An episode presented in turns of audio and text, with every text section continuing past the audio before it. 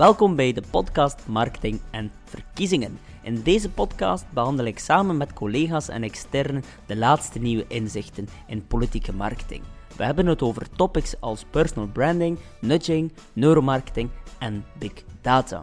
Ik wens jullie alvast heel veel inspiratie. Als jullie vragen hebben, mogen jullie mij altijd contacteren via reinoud.exposure.be.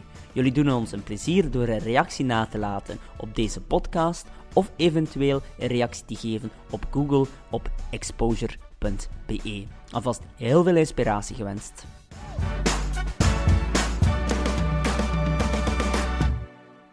Welkom bij alweer een nieuwe aflevering van de podcast Marketing en Verkiezingen. In deze aflevering hebben we het over een van mijn favoriete topics, personal branding.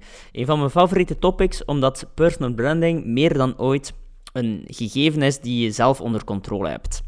Want vandaag met sociale media is praktisch iedereen een mediaplatform geworden, is iedereen een, een massakanaal, een massacommunicatiekanaal geworden, want iedereen heeft toegang tot de massa en iedereen kan vanuit zijn eigen profiel of pagina een zeer groot publiek bereiken. Met andere woorden, je hebt zelf controle op eh, jouw massacommunicatie en je kiest vooral zelf hoe dat de massa jou ziet. Dus personal branding heb je meer dan ooit onder controle.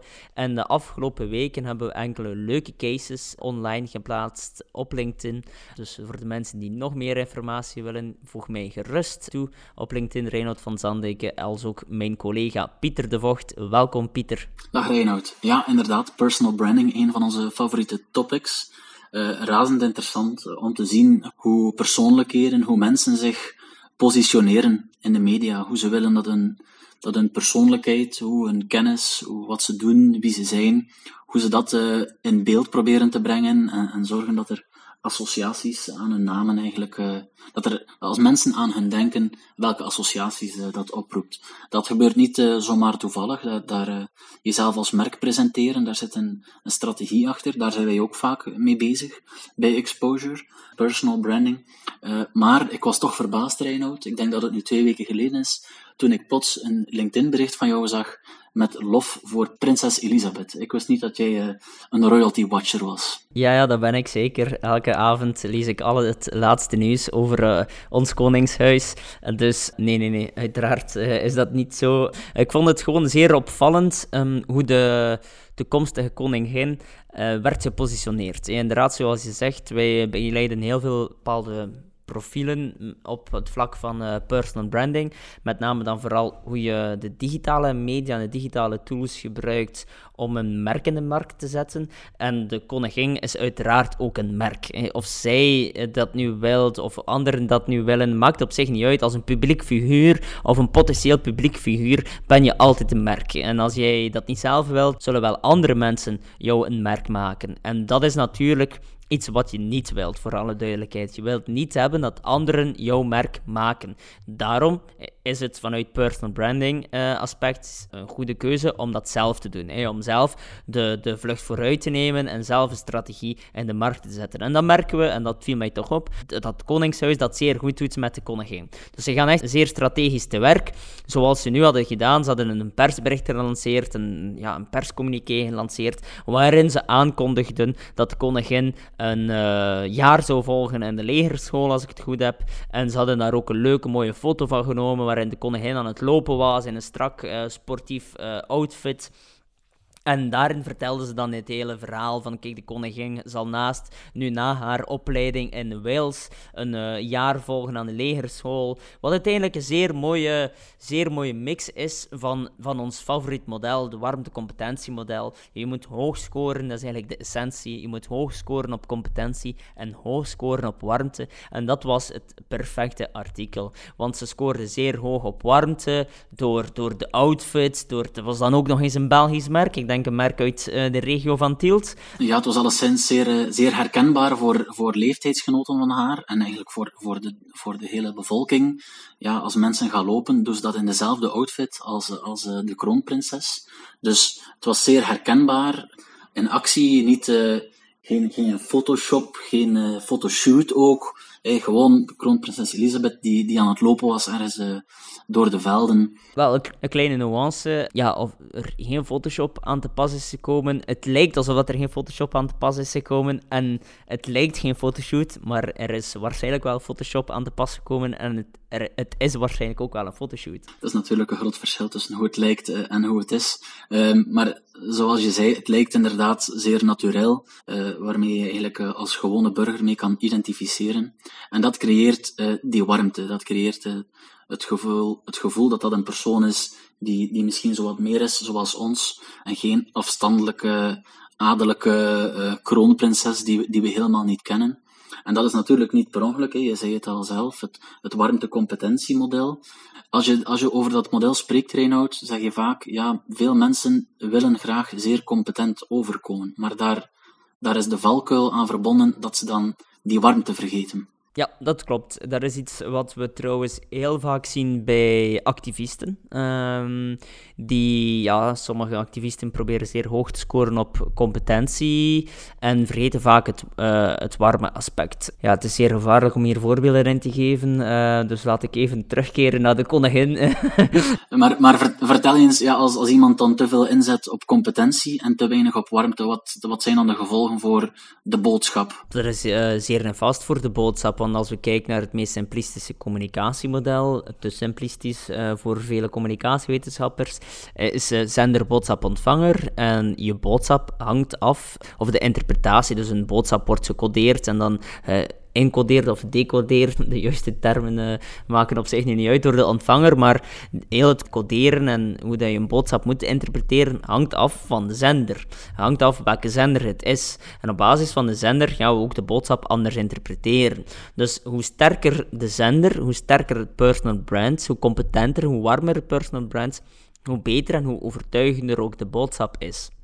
Dus dat is eigenlijk de essentie van personal branding, want personal branding is op zich geen doel op zich. Uh, het is altijd een middel om je doel te bereiken. En daarom, om uh, de ideale personal brand te zijn, de ideale zender, moet je hoog scoren op competentie en hoog scoren op warmte. Bijvoorbeeld een heel sterk personal brand is uh, Jeroen Meus. Hij is een heel sterk personal brand. Waarom? Scoort hoog op competentie. En of dat nu zo is of, of niet, dat maakt op zich niet uit. Maar mensen zien hem dagelijks als kok. Dus is dat een goede kok. Daar is dan het meer exposure effect uiteindelijk. Dat is ook een belangrijk aspect binnen personal branding, maar ik ga niet te ver uh. Maar uh, het is niet de Peter Hoosens, het is niet dat hij een drie-sterrenzaak heeft, maar omdat we hem zoveel zien als kok, ook zoveel boeken heeft verkocht, zien we hem als een zeer competent iemand. En ik denk dat we het erover eens zijn dat Jeroen Meus ook een zeer warme persoonlijkheid heeft. Ook in de quiz die hij presenteert, um, maakt hij veel grapjes, een sympathieke persoonlijkheid, ook zijn uh, dagelijkse kost, heel vaak heel warm, met de hond, met de kindjes, zwaaien naar de mensen. Dat zijn zo die trucjes, hè. Eh, je moet maar even kijken naar de Amerikaanse presidentsverkiezingen. Daar, uh, daar houden presidentskandidaten ervan om, om een handje te geven aan de kindjes. Hè. Zo van die zaken maakt die persoon warm en dat is dan een, zeer sterk personal brand. Een ander sterk personal brand uh, is bijvoorbeeld Thomas. Thomas, natuurlijk het hangt altijd af van sector tot sector. Hè. Je kan een zeer sterk personal brand zijn in een niche vanwege een volledig andere reden. Maar laten we nu even algemeen kijken.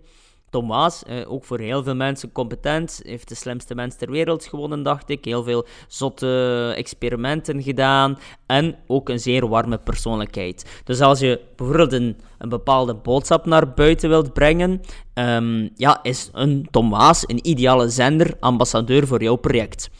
Maar natuurlijk, als politicus ben je de ambassadeur van je eigen project, dus moet je daarop letten. Dat is ook de reden waarom bijvoorbeeld een Anuna de Wever zeer veel kritiek heeft gekregen en waarschijnlijk ook zeer veel draagvlak heeft verloren uh, wanneer ze Thomas heeft aangevallen. Dat Thomas uh, veel reizen doet en dus dat slecht is voor het milieu en dat dat niet mag gepromoot worden. Ja, als je natuurlijk een personal brand die zeer populair is, dus hoog scoort op competentie, hoog scoort op warmte, aanvalt, ja, dat is zeer gevaarlijk, zeer moeilijk. Dus ja, dat zijn dan zo van die zaken, want het wordt ondertussen weer al een uh, langere podcast. Uh, we proberen het altijd binnen de kwartier te houden, uh, maar ik wijk vaak te veel uit. Sorry aan de luisteraars. Maar dus als personal brand, let op op je personal branding uh, op je warmte en je competentieas. En laten we nu even terugkeren naar de koningin. Dan heeft ze dat zeer goed gedaan door uh, nu een persbericht te versturen rond het feit dat ze een, een jaar aan de legerschool zal zitten. Maar de afgelopen jaren hebben ze eigenlijk de de koningin zeer sterk positioneert op de warmteas. Dan denk je maar bijvoorbeeld aan haar missie naar Afrika, waarin ze ook geïnterviewd werd, waar er wel vragen werden gesteld, waar ze heel hard focust op die warmte. Ja, ook een uh, heel belangrijk moment uh, was, uh, als ik me dat goed herinner, haar verjaardagsfeest toen ze 18 werd. ook daar is op vlak van personal branding heel veel tijd en, en energie in gekropen, denk ik, om, om haar een warm imago te geven, om, om haar warmte duidelijk te maken. Uh, ze had een feest georganiseerd in het paleis. Een heleboel 18-jarigen waren uitgenodigd. De, de speech die ze daar gegeven heeft, hoe, daarmee, hoe ze daarmee in de pers is verschenen, uh, hoe ze gekleed was. Ja, het Koningshuis weet natuurlijk dat al die zaken onder de loep worden genomen. En ook daar uh, komt ze eigenlijk als heel competent over, want haar speech was, was indrukwekkend en daarvoor heeft ze veel lof gekregen in de pers, maar ook als zeer warm, hoe ze dan bijvoorbeeld contact had met de andere 18-jarigen die aanwezig waren, hoe ze connectie zocht met de gasten. Dus ja, dat is eh, zeer belangrijk om, om beide altijd eh, in de gaten te houden. Ja, dat klopt. En uh, met dit persbericht, of deze persactie, hebben ze dan voornamelijk gefocust op het competentiegedeelte. En dat maakt het ideale personal brand. Het gaat er niet om dat je bij iedere actie ofwel eh, of tenminste en competent en warm probeert te zijn. Het, een personal brand wordt gemaakt op de lange termijn, dus moet je ervoor zorgen dat je op de lange termijn ja, zowel af en toe scoort op competentie en af en toe scoort op warmte. En deze keer was het een zeer duidelijke focus op competentie, dus well, job well done, zou ik zeggen. Ja, voor mensen die meer willen weten over het uh, warmte-competentiemodel, die kunnen steeds uh, blogs lezen uh, op onze website. Daar schrijven we regelmatig over, ook over personal branding als, uh, als onderwerp.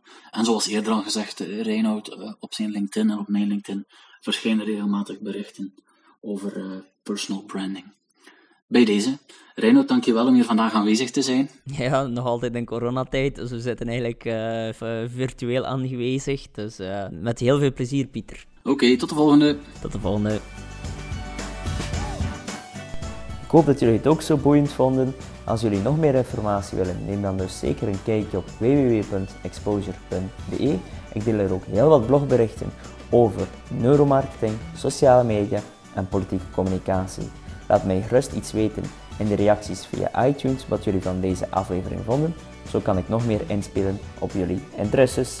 En aarzel zeker niet om mij te contacteren indien je interesse hebt in een van de workshops. Wij geven heel veel fysieke workshops maar ook heel veel online workshops. En alvast nog heel veel succes in alles wat je doet. Tot de volgende!